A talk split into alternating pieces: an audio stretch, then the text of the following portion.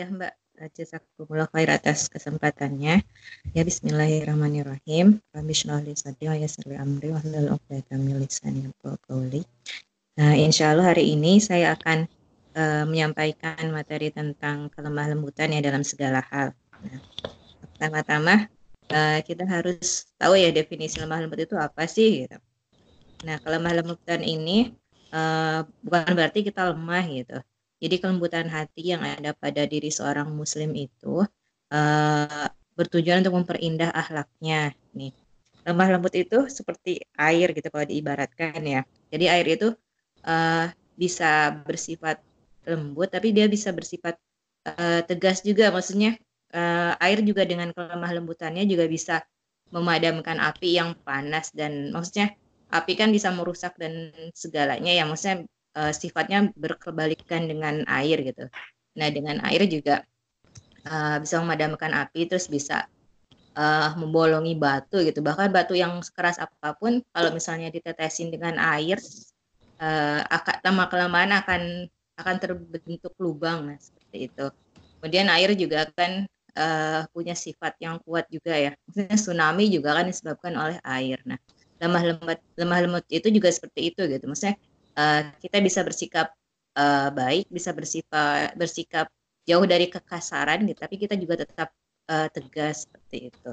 Nah, uh, dasar dari sikap seorang Muslim itu kan harus berpijak pada Al-Quran dan Sunnah juga ya. Nah, sekarang kita akan melihat uh, beberapa firman Allah tentang lemah lembut. Nah, yang pertama ini adalah Quran Surat Al-Hijr ayat 88 Allah berfirman, dan berendah dirilah kamu terhadap orang-orang yang beriman. Kemudian uh, dalam surat Al-Imran ayat 159, maka disebabkan rahmat dari Allah lah, kamu ber, berlemah lembut terhadap mereka. Sekiranya kamu bersikap keras, lagi berhati kasar, tentulah mereka menjauhkan diri dari sekelilingmu. Nah, ayat ini sebenarnya uh, lebih uh, ke metode dalam berdakwah ya ketika kita berdakwah itu memang sifat lemah lembut itu sangat diperlukan gitu untuk uh, mendekatkan kita kepada objek dakwah kita gitu. Ketika kita lemah lembut maka apa yang kita sampaikan itu akan lebih mudah diterima oleh objek dakwah kita seperti itu. Kemudian selanjutnya ada di surat Al-Hadid ayat 27 dan kami jadikan rasa santun dan kasih sayang dalam hati orang-orang yang mengikutinya seperti itu. Kemudian dalam surat At-Taubah ayat 128 uh, sesungguhnya telah datang kepadamu seorang rasul dari kaummu sendiri. Berat rasa olehnya penderitaanmu, sangat menginginkan keimanan dan keselamatan. Amat belas kasihan lagi penyayang terhadap orang-orang yang mukmin. Nah, di sini kita juga harus ingat ya, maksudnya uh, dulu waktu Nabi Muhammad SAW berdakwah di Taif, uh, beliau kan uh, bukannya disambut dengan baik ya, malah dilempari dengan kotoran, dengan batu gitu. Dan bahkan malaikat Jibril juga kan menawarkan apakah perlu gitu ditimpakan gunung kepada penduduk Taif. Kemudian Rasul menjawab uh, tidak usah gitu karena mereka tidak tahu gitu.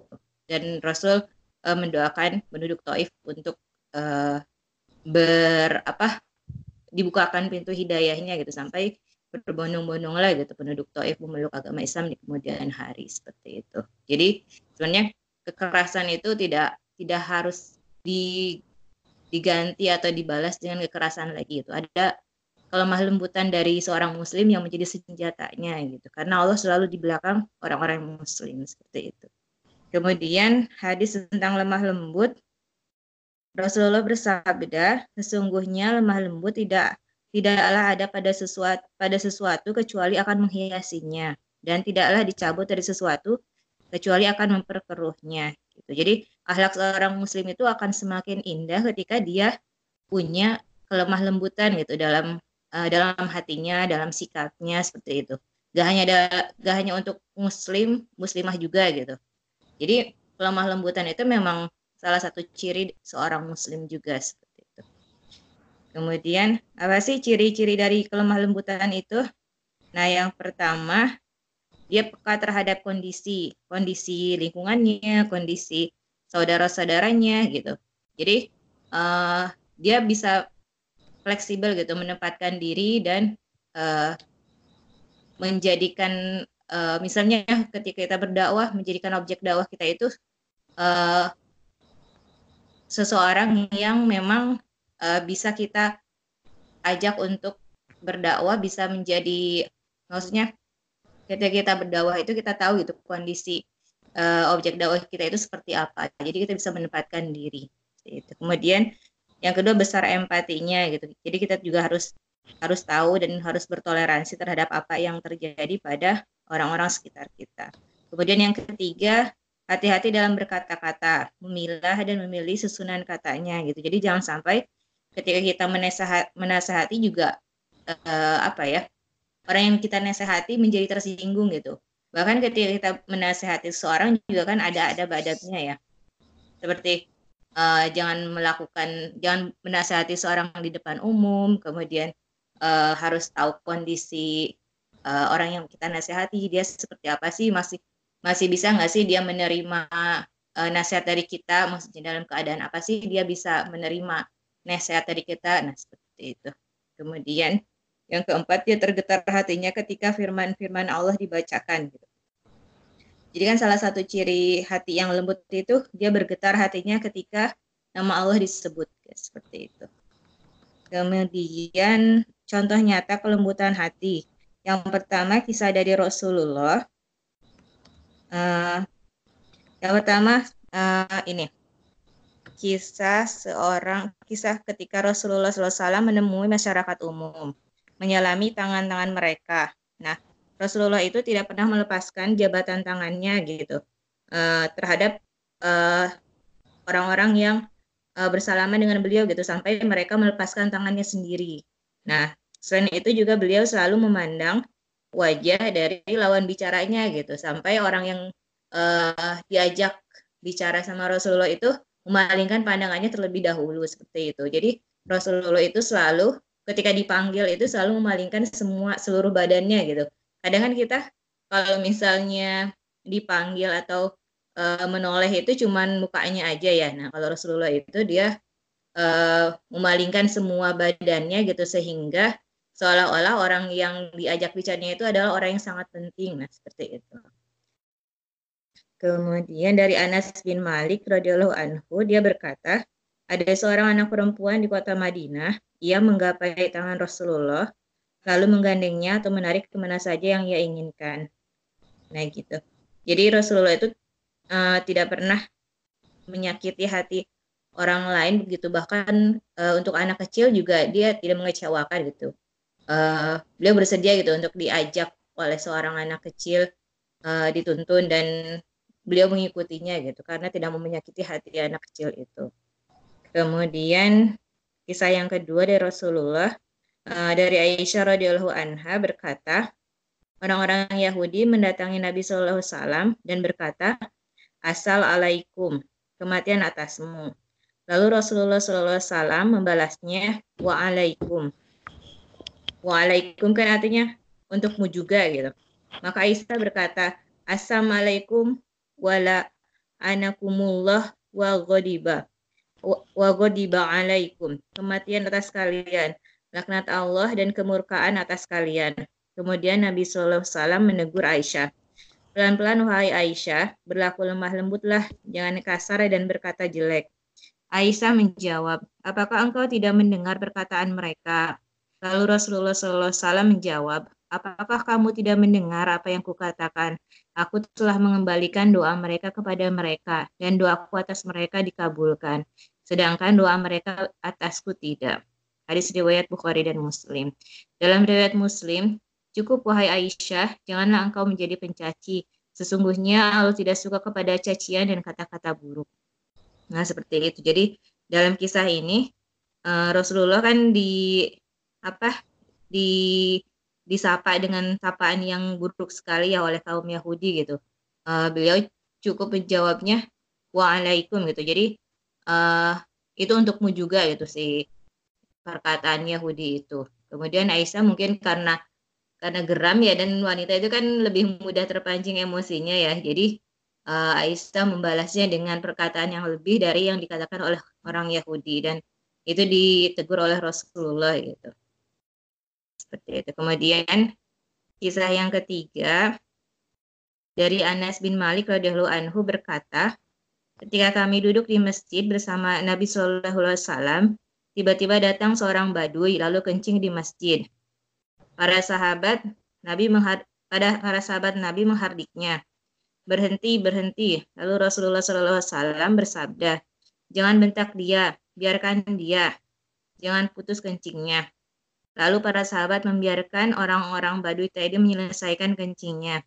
Kemudian Nabi Shallallahu Alaihi Wasallam memanggilnya dan berkata kepadanya, sesungguhnya masjid-masjid ini tidaklah boleh untuk buat kencing, buat buat uh, air, maksudnya untuk membuang air kencing atau buang kotoran.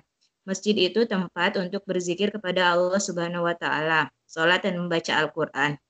Dan beliau Shallallahu Alaihi Wasallam berkata kepada para sahabat, sesungguhnya kalian diutus untuk mempermudah, bukan untuk mempersulit. Siramlah dengan satu ember air pada tempat kencingnya. Lalu orang Badui tadi berkata, Ya Allah, rahmatilah aku dan Muhammad, dan janganlah engkau rahmati yang lain bersama kami. Lalu Nabi Sallallahu Alaihi Wasallam bersabda, Engkau telah menyempitkan yang luas. Seperti itu. Jadi di sini disebutkan kan orang Badui yang belum kenal tentang Islam ya. Jadi orang Badui itu tidak tahu gitu kalau kalau masjid itu uh, adalah tempat yang suci gitu, tidak boleh membuang kotoran di dalam masjid gitu. Sehingga Nabi uh, memperlakukannya dengan lemah lembut gitu. Uh, hal ini juga kan kemarin pernah ramai ya di Indonesia waktu uh, datang seorang uh, wanita yang membawa anjing gitu ya di di daerah Depok atau di mana gitu ya. Nah, jadi kan banyak orang yang uh, me, apa me, mempersamakan dengan kisah ini ya. Maksudnya ketika Nabi uh, kedatangan seorang badui saja Nabi melemah lembut gitu. Tapi ketika kemarin ada seorang wanita yang membawa anjingnya kan banyak orang yang tersinggung ya seperti itu. Jadi sebenarnya gimana sih uh, sikap seorang muslim itu terhadap kejadian seperti itu? Nah, kita juga harus melihat kan kalau misalnya di zaman Nabi itu kan Islam belum belum tersebar ya maksudnya masjid itu tempat apa sih gitu belum belum sampai gitu ke orang Baduy yang datang di kisah Nabi ini gitu. Kalau masjid itu memang tempat suci. Nah, kalau misalnya yang kemarin itu ketika wanita yang membawa anjing itu kan sudah pada tahu gitu ya kalau masjid itu adalah tempat suci yang nggak boleh gitu membawa anjing, nggak boleh bawa sendal atau bawa alas kaki yang dari luar gitu masuk ke dalam masjid gitu. Jadi sebenarnya wajar juga sih sebagai seorang muslim gitu untuk tersinggung atas uh, sikap dari wanita tersebut seperti itu. Jadi kita juga harus bisa menempatkan diri gimana di mana uh, lemah lembut itu di di apa di ditampilkan seperti itu. Kemudian selain Rasulullah juga ada sahabat lain yang yang menjadi contoh dari sikap lemah lembut. Yang per, ya, tentang kisah Umar. Nah, uh, mungkin teman-teman pernah mendengar juga ya tentang kisah Umar dan ibu pemasak batu gitu. Jadi dikisahkan kalau Khalifah Umar bin Khattab kala itu tengah memimpin umat Islam menjalani tahun yang disebut tahun Abu. Suatu malam, Khalifah Umar mengajak seorang sahabat bernama Aslam untuk mengunjungi kampung terpencil di sekitar Madinah. Langkah Umar terhenti di dekat sebuah tenda lusuh. Seorang tangis seorang eh suara tangis seorang gadis kecil mengusik perhatiannya Kemudian Umar dan Aslam mendekati tenda itu dan memastikan apakah penghuninya butuh bantuan.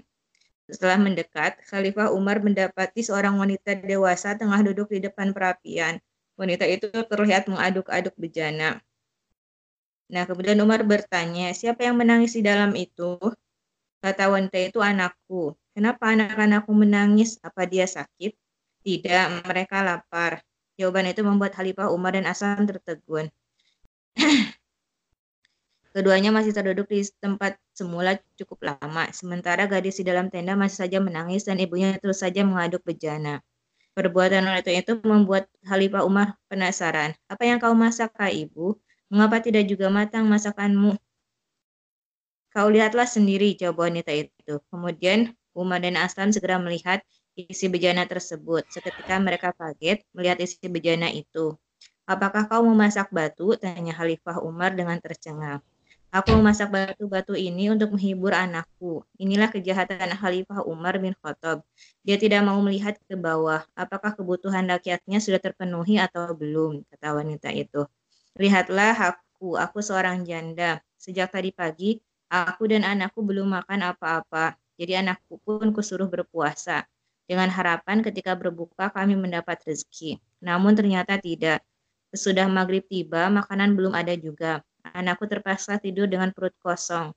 Aku mengumpulkan batu-batu kecil, memasukkannya ke dalam panci dan kuisi air.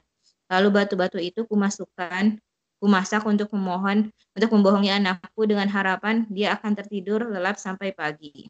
Ternyata tidak, mungkin karena lapar, sebentar, sebentar dia bangun dan menangis minta makan. Namun apa dayaku, sungguh Umar bin Khattab uh, tidak pantas jadi pemimpin. Dia tidak mampu menjamin kebutuhan rakyatnya, lanjut wanita itu. Wanita itu tidak tahu yang ada di hadapannya adalah Khalifah Umar bin Khattab. Aslan sempat hendak menegur wanita itu, tapi Khalifah Umar mencegahnya. Khalifah lantas menitikan air mata dan segera bangkit dari tempat duduknya. Segeralah diajaknya Aslam pergi cepat-cepat kembali ke Madinah. Sesampainya di Madinah, Khalifah langsung pergi ke Baitul Mal, ke Baitul Mal dan mengambil sekarung gandum. Kemudian Umar uh, mengangkut, maksudnya memikul uh, gandum itu sendiri gitu. Padahal sudah ditawari Aslam untuk uh, membawakan si gandumnya itu. Kemudian uh, Umar berkata gitu, Aslam jangan jerumuskan aku ke dalam neraka. Kau akan menggantikan aku memikul beban ini? Apakah kamu memikul beban di pundakku ini di hari pembalasan kelak? Kata Umar dengan nada tinggi. Aslam tertunduk mendengar perkataan Khalifah Umar. Sembari terseok-seok, Khalifah Umar mengangkat karung itu dan diantarkan ke tempat tinggal wanita itu. Nah, seperti itu. Jadi itu uh, Khalifah Umar sampai meng menggendong sendiri gitu, memikul sendiri si gandum yang dibutuhkan oleh wanita yang memasak batu tersebut gitu karena kelemah lembutan hatinya seperti itu.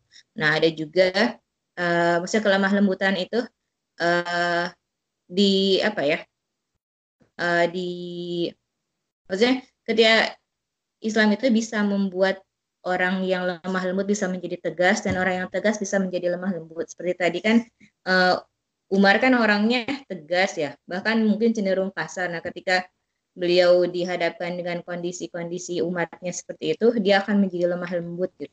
Kemudian uh, kebalikannya ketika Abu Bakar itu kan orangnya memang lemah lembut ya, tapi uh, karena Islam dan imannya itu uh, beliau akan menjadi orang yang tegas gitu, bahkan lebih tegas dibandingkan Umar gitu.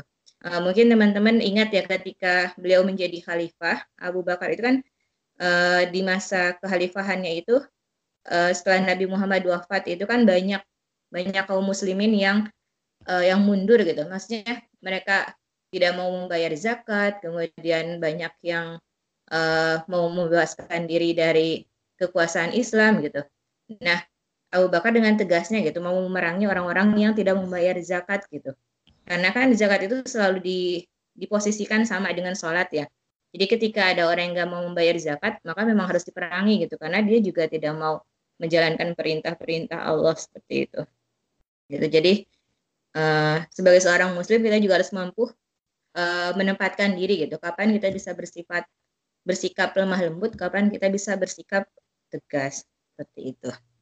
Kemudian apa sih keutamaan sikap lemah lembut? Nah, atau apa sih faedah dari sikap lemah lembut gitu terhadap uh, kaum muslimin? Nah, yang pertama sebab mendapatkan ampunan dan sebab masuk surga dari Abu Suraih, ia berkata pada Rasulullah SAW, Wahai Rasulullah, tunjukkanlah kepadaku suatu amalan yang dapat memasukkanku ke dalam surga. Beliau bersabda, di antara sebab mendapatkan ampunan Allah adalah menyebarkan salam dan bertutur kata yang baik. Kemudian yang kedua, mendapatkan kamar yang istimewa di surga kelak. Dari Ali, Nabi SAW bersabda, di surga terdapat kamar-kamar yang bagian luarnya dapat dilihat dari dalam dan bagian dalamnya dapat dilihat dari luar. Kemudian seorang Arab Badui bertanya, kamar-kamar tersebut diperuntukkan untuk siapa? Wahai Rasulullah, beliau pun bersabda, kamar tersebut diperuntukkan untuk siapa saja yang tutur katanya baik, gemar memberikan makan pada orang yang butuh, rajin berpuasa, rajin sholat malam karena Allah ketika manusia sedang terlelap tidur. Kemudian yang ketiga, bisa menggantikan sedekah. Dari Abu Hurairah, Nabi SAW bersabda, tutur kata yang baik adalah sedekah. Dari Adi bin Hatim, Rasulullah SAW bersabda, selamatkanlah diri kalian dari siksa neraka, walaupun dengan separuh kurma. Jika kalian tidak mendapatkannya, maka cukup dengan bertutur kata yang baik. Yang keempat, menyelamatkan seseorang dari siksa neraka. Hadis Adi bin Hatim di atas, Ibnu Batot, Ibnu Batoi mengatakan, jika tutur kata yang baik dapat menyelamatkan diri dari siksa neraka, berarti sebaliknya tutur kata yang kotor atau jelek dapat diancam dengan siksa neraka. Kemudian yang lima dapat menghilangkan permusuhan. Tolaklah kejelekan itu dengan cara yang lebih baik, maka tiba-tiba orang yang diantaramu dan antara dia ada permusuhan seolah-olah telah menjadi teman yang sangat setia. Quran Surat Al-Fusilat ayat 34 sampai 35. Itu. Terus uh, ini ada tips untuk melembutkan hati. Yang pertama, perbanyak baca Al-Qur'an dan mentadaburinya. Karena kan Al-Qur'an itu obat hati ya. Jadi uh, apa pun yang terjadi dalam hati kita itu pasti ada obatnya gitu dalam Al-Qur'an. Jadi jangan jangan sampai kita melupakan gitu uh, bahwa Al-Qur'an itu adalah pegangan kita seperti itu. Kemudian yang kedua, memperbanyak zikir mengingat Allah gitu. Karena kita harus ingat gitu dengan hanya dengan mengingat Allah lah gitu, hati kita akan menjadi tenang seperti itu. Kemudian yang ketiga, berkawan dengan orang-orang yang soleh. Yang keempat, menyayangi anak kecil. Yang kelima, banyak berdoa. Nah, hati yang lembut bukan berarti lemah dalam bersikap. Lihat saja bagaimana Rasulullah sehari-hari dan ketika jadi panglima perang. Beliau sehari-hari kan bersikap lemah lembut gitu, uh, sangat santun kepada siapa pun. Tetapi ketika di medan perang, beliau sangat tegas gitu, menjadi panglima perang yang ditakuti oleh uh, para musuhnya seperti itu. Kemudian lihat saja Umar radhiyallahu anhu sikapnya yang keras dan tegas, namun hatinya teramat lemah lembut terhadap rakyatnya seperti itu. Dicukupkan sampai di sini. Mungkin lebih ke tanya jawab ya? Oke iya mbak. Jazakillah khairan. Ya uh, kepada mbak mbak jika ada yang ingin ditanyakan atau didiskusikan dipersilahkan. Mungkin saya mbak. Mbak Hana saya mau bertanya dulu. Ini kan uh, masalah lemah lembut itu kadang kalau di Indonesia itu kan budayanya beda-beda ya mbak kadang di sini misalnya di Sumatera itu hitungannya lemah lembut gitu uh, cara bicara seseorang gitu misalnya. Terus tapi di Jawa itu terkesan kasar gitu mbak. Jadi uh, indikator yang pas itu seperti apa ya mbak ya? Iya sebenarnya kalau lemah lembut kan uh, dari hati ya maksudnya uh, sikap sikap hati kita ya. Dan sikap hati kita juga harus disesuaikan gitu dengan budaya yang ada di sana gitu. Jadi kembali lagi kan ke ke peribahasa yang di mana langit dijunjung uh, eh di mana bumi dipijak di sana langit dijunjung gitu. Ketika hati kita memang sudah uh, sudah berniat untuk lemah lembut kan kita juga harus mengikuti ya adat adat kebiasaan yang ada di sana. Gimana sih lemah lembut yang ada di daerah tersebut gitu. Jadi jangan sampai niat kita untuk berlemah lembut malah berbeda gitu dengan uh, kebudayaan yang ada di sana. Seperti itu mbak. Jadi memang kita juga harus menyesuaikan diri seperti itu.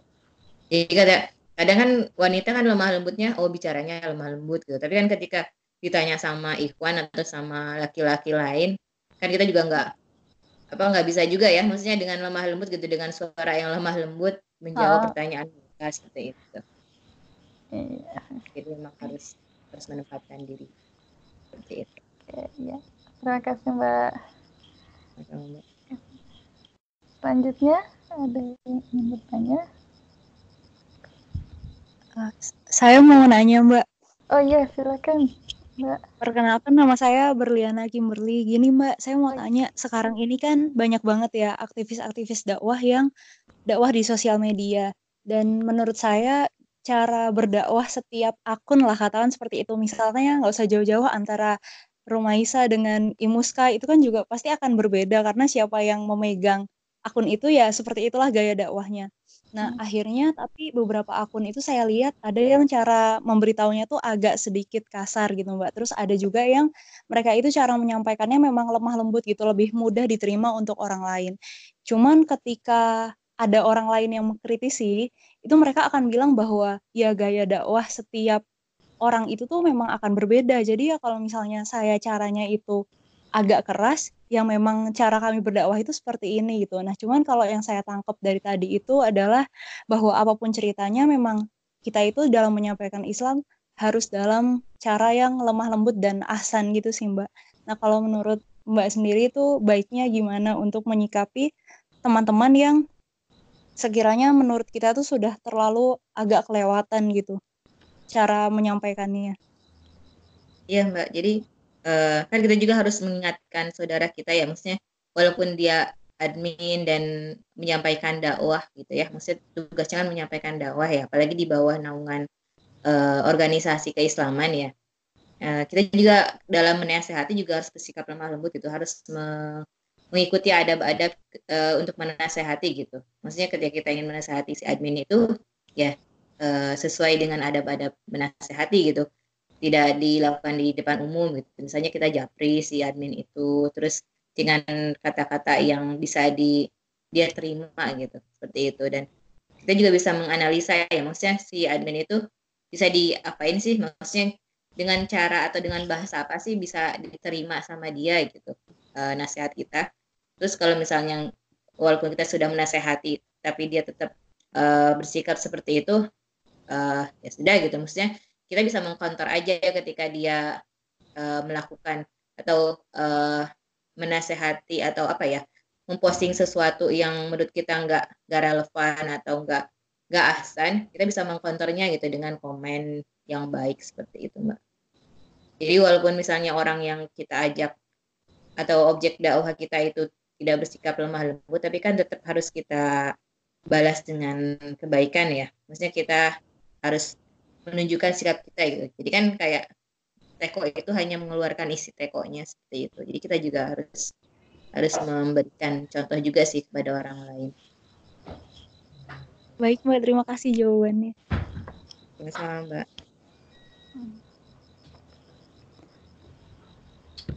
Mbak ada pertanyaan dari Facebook. Ini uh, bagaimana cara agar kita memiliki sikap lemah lembut dan bagaimana kita bersikap lembut bagi saudara kita non-muslim yang sering memusuhi kita.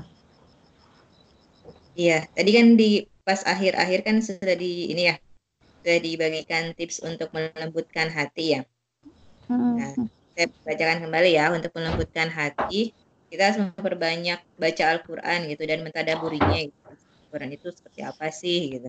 Yang kedua, memperbanyak zikir, mengingat Allah. Karena kan dengan mengingat Allah juga hati kita akan tentram, terus akan melembutkan hati kita juga. Kemudian berkawan dengan orang-orang yang soleh gitu. Karena kan orang-orang yang soleh itu uh, banyak doa-doa ya dia yang dikabulkan gitu. Mungkin saja dia mendoakan kita gitu akan lebih melembutkan hati kita. Terus banyak nasihat-nasihat dia gitu yang mungkin nanti akan membatasi gitu uh, apa ya keegoisan kita atau uh, sikap kita yang nggak baik gitu akan akan mudah untuk uh, di counter sama teman kita gitu. Karena mereka kan uh, dekat dengan kita ya banyak nasihat-nasihat yang mungkin akan kita dapatkan dari mereka.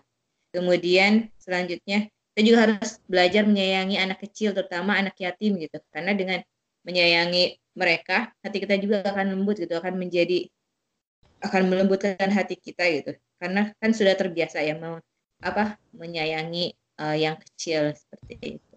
Kemudian selanjutnya kita banyak berdoa karena kan doa itu, maksudnya kita itu uh, sangat dekat dengan Allah gitu. Jadi kita juga jangan sampai oh minta doa kepada orang lain aja gitu. Padahal kita juga punya hak itu untuk berdoa kepada Allah untuk melembutkan hati kita seperti itu.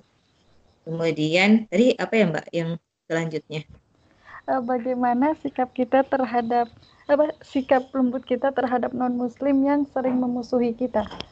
Ah ya sebenarnya ya uh, sikap kita terhadap non muslim juga kan tetap aja harus harus baik ya. Maksudnya kita harus menjadi agen-agen muslim gitu. Maksudnya uh, apa yang ada di dalam Al-Quran itu memang memang harus kita deliver gitu kepada orang-orang non muslim soalnya kan ketika non muslim itu melihat Islam itu yang dilihat itu adalah kita gitu sebagai pemeluknya jadi kenapa orang-orang non Muslim itu melihat Islam itu gak baik? Ini banyak pemeluk Islam yang uh, tidak menampilkan agama Islam yang baiknya seperti itu.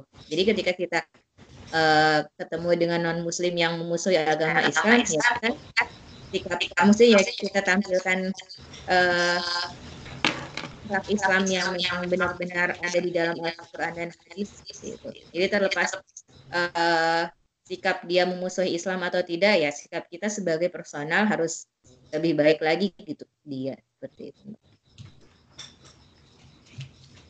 Oke, terima kasih Mbak atas jawabannya. Ini Mbak ada pertanyaan lagi dari Mbak Ratna. Bagaimana kalau karakter bawaan ngobrolnya suka kenceng gitu? Karena karakternya susah hilang, kadang susah kontrol jadi karakter kita ya yang suka ngegas gitu. Nah, suka belak-belakan gitu loh Mbak biasanya kan. ya kadang kan si karakter itu kan susah ya untuk diubah ya. Mungkin kita kasih warning dulu gitu, disclaimer gitu kepada orang yang kita ajak bicara gitu. Kalau misalnya kita memang orangnya uh, seperti ini gitu. Jadi tolong dinasehati atau tolong diingetin gitu. Kalau misalnya perkataan kita itu menyakiti hati dia gitu atau uh, misalnya uh, kita juga harus sering-sering makanya kita harus sering-sering dekat dengan orang yang soleh itu karena kita bisa bisa mendapatkan ini ya nasihat juga maksud teguran halus ketika perkataan kita itu menyakiti hati orang seperti itu. Mungkin disenggol atau diapa gitu ketika kita keterlaluan gitu dalam dalam berkata seperti itu. Dan sebenarnya bisa dilatih juga sih maksudnya kayak karakter itu memang susah ya diubah tapi lama kelamaan ketika kita bertekad dalam hati itu bisa diubah gitu. Kan akhlak itu uh, bisa ya bisa dibiasakan gitu. Kayak habit. Habit itu kan kalau 40 hari katanya bisa menjadi maksudnya sesuatu itu ketika 40 hari dibiasakan itu bisa menjadi habit nah, seperti itu. Mungkin si akhlak itu juga sama maksudnya ketika kita kebiasaan bicara belak-belakan tanpa memandang uh, hati orang lain gitu. Lama kelamaan kalau kita misalnya membiasakan diri untuk mengontrol mulut kita, mungkin kita bisa ya. Jadi setidaknya kita nggak komen gitu ya, nggak komen terus-terusan ketika ada orang yang berbuat salah atau berbuat uh, yang nggak match sama hati kita gitu. Jadi ya kita harus membiasakan diri mengontrol mengontrol mulut kita, mengontrol jempol kita dalam komen seperti itu. Yes. Itu walaupun karakter ya jangan sampai kita uh, membebaskan diri kita gitu dengan dengan alasan ya itu udah udah karakter saya gitu. Itu udah kebiasaan saya gitu. Susah untuk dihilangkan. Padahal kan tetap aja ada usaha ya maksudnya harus ada usaha dari kita untuk memperbaiki diri. Seperti itu. Hmm. baik. Oke. Uh, lanjut mbak ada yang bertanya lagi dari Facebook uh, sering kita bergaul dengan banyak orang dan ketemu dengan orang yang cara bicaranya lembut tapi nyelekit atau menyakitkan. Itu bagaimana cara kita bersikap? Iya. Uh, dengan orang yang seperti itu juga sama Mbak maksudnya uh, ketika kita ingin menasehati dia juga harus harus dengan adab-adab tadi adab-adab menasehati itu kan uh, ada beberapa ya maksudnya kita juga ketika menasehati menasehati dia juga harus mengikuti cara itu gitu. Maksudnya jangan sampai kita mengingatkan dia di depan umum wah kamu kamu lemah lembut ya maksudnya dengan ini tapi kamu nyakitin nyakitin saya gitu atau gimana gitu. Tapi ya tetap aja gitu menghadapinya itu ya kita tetap harus lemah lembut kemudian kita juga harus memberikan nasihat yang benar juga kepada dia. Mengingatkan gitu kalau misalnya perkataan dia itu e, menyakiti hati orang lain gitu walaupun disampaikan dengan lemah lembut atau misalnya ya kan ada juga yang tadi ya uh, perkataannya baik tapi nyelkit gitu. Mungkin harus diingatkan juga mungkin dia merasa tidak berdosa seperti itu.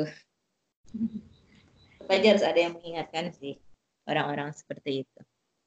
Tapi dengan cara yang baik juga kita hanya mengingatkan mereka. Baik ya, ternyata lemah lembut itu uh, bukan hanya caranya tapi isinya juga harus lembut ya mbak ya ada ya. juga yang nyelekit iya jadi memang isinya dan metodenya juga harus harus lemah lembut gitu. Jadi ya jangan sampai kita berkatanya baik itu kata-katanya baik tapi uh, menusuk hati orang lain seperti itu. Iya dan dan sikap lemah lembut itu sebenarnya diutamakan kepada orang-orang terdekat kita dulu ya Mbak. Uh, hmm. Jadi jangan sampai misalnya ketika kita dalam satu pengajian orang-orang yang dekat dengan kita atau teman-teman pengajian kita yang malah uh, mendapatkan sikap terburuk kita itu. Padahal mereka harusnya mendapatkan sikap terbaik kita dulu seperti itu. Makanya dalam dalam sholat kan ya yang terakhir itu kan salam ya. Salam ke kiri dan salam ke kanan itu kan keselamatan ya bagi saudara-saudara kita gitu. Jadi kita harus menjamin uh, bahwa sikap kita, perkataan kita, perbuatan kita itu uh, harus terbebas dari uh, apa perbuatan buruk kepada saudara kita gitu. Jadi kita harus membebaskan orang-orang yang ada di dekat kita itu dari keburukan diri kita gitu. Makanya dalam sholat juga diajarkan gitu. kalau kita harus memberikan keselamatan kepada saudara-saudara kita. Salah satunya dengan uh, sikap lemah lembut seperti itu dalam sholat juga kan ketika misalnya berdempet-dempetan ya kita juga harus me, apa melemahkan atau uh, maksudnya kita harus rapat tapi nggak nggak nggak apa ya nggak kaku gitu.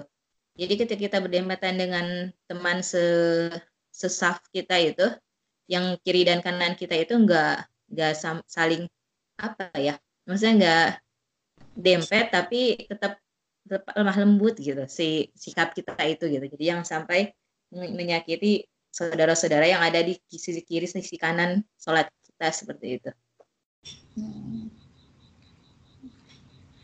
gitu bahkan dalam sholat juga Islam mengajarkan untuk bersikap lemah lembut hmm. Baik, Mbak. Ini ada tanggapan lagi dari penanya yang di Facebook.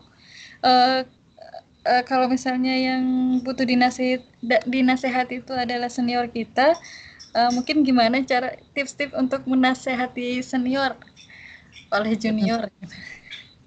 Dan uh, senior sama junior ya sebenarnya kan kayak orang tua sama kita gitu bisa nggak sih kita menasehati orang tua? Nah kalau misalnya dari dari perkataan atau dari ceramahnya Ustadz Abdul Somad kan kita nggak bisa gitu apa memberi nasihat kepada orang yang lebih tua ya maksudnya kita harus meminjam perkataan orang lain gitu yang di, disegani oleh orang yang ingin kita nasehatin. Misalnya ketika kakak senior kita eh, ingin kita nasehatin kan kita sebagai junior mungkin gak akan masuk juga ya apa yang kita sampaikan. Jadi kita harus meminjam misalnya ya udah kita minta guru ngaji kita atau guru ngajinya dia gitu untuk menasehati seperti itu. Jadi kita japri misalnya si guru ngajinya kakak senior kita itu atau siapa yang kakak senior kita segani gitu untuk memberi nasihat seperti itu. Jadi kan kita bisa uh, mem, apa karena kan bukan gibah ya ketika kita ingin uh, membenarkan sesuatu itu. Maksudnya kita bisa me menjelaskan kepada kepada orang yang ingin kita minta mintain bantuan gitu untuk menasihati kakak senior itu gitu. Apa sih masalahnya gitu terus apa sih yang ingin kita nasihati di bagian mana sih yang kita ingin ingatkan itu seperti itu jadi nggak uh, harus kita gitu yang secara langsung uh, memberikan nasihat. Kita bisa me meminta bantuan orang yang lebih dia segani gitu untuk memberikan nasihat kepada dia. Gitu mbak. Baik mbak uh, ada yang ingin ditanyakan lagi mungkin dari mbak-mbaknya? Dihitung ya uh, lima detik lima empat tiga dua satu. Ya kalau tidak ada mungkin uh, saya akhiri. Jazakillahu khairan kepada Mbak Hana atas materinya. Nah, Masya Allah ya banyak banget ini yang bisa kita ambil dan jawaban-jawabannya pun solutif sekali Mbak. Nah, uh, untuk itu kita tutup saja ya mungkin taklim malam ini dengan bacaan alhamdulillah. Alhamdulillahirrahmanirrahim. Kemudian istighfar. Dan disempurnakan dengan doa kafaratul majelis. Subhanakallahumma wa bihamdik. Asyhadu an la ilaha illa anta astaghfiruka wa atubu ilaik. Uh, terima kasih banyak kepada Mbak Hana dan uh, peserta yang telah hadir. Mohon maaf jika banyak salah dari saya. Saya akhiri. Wassalamualaikum warahmatullahi wabarakatuh.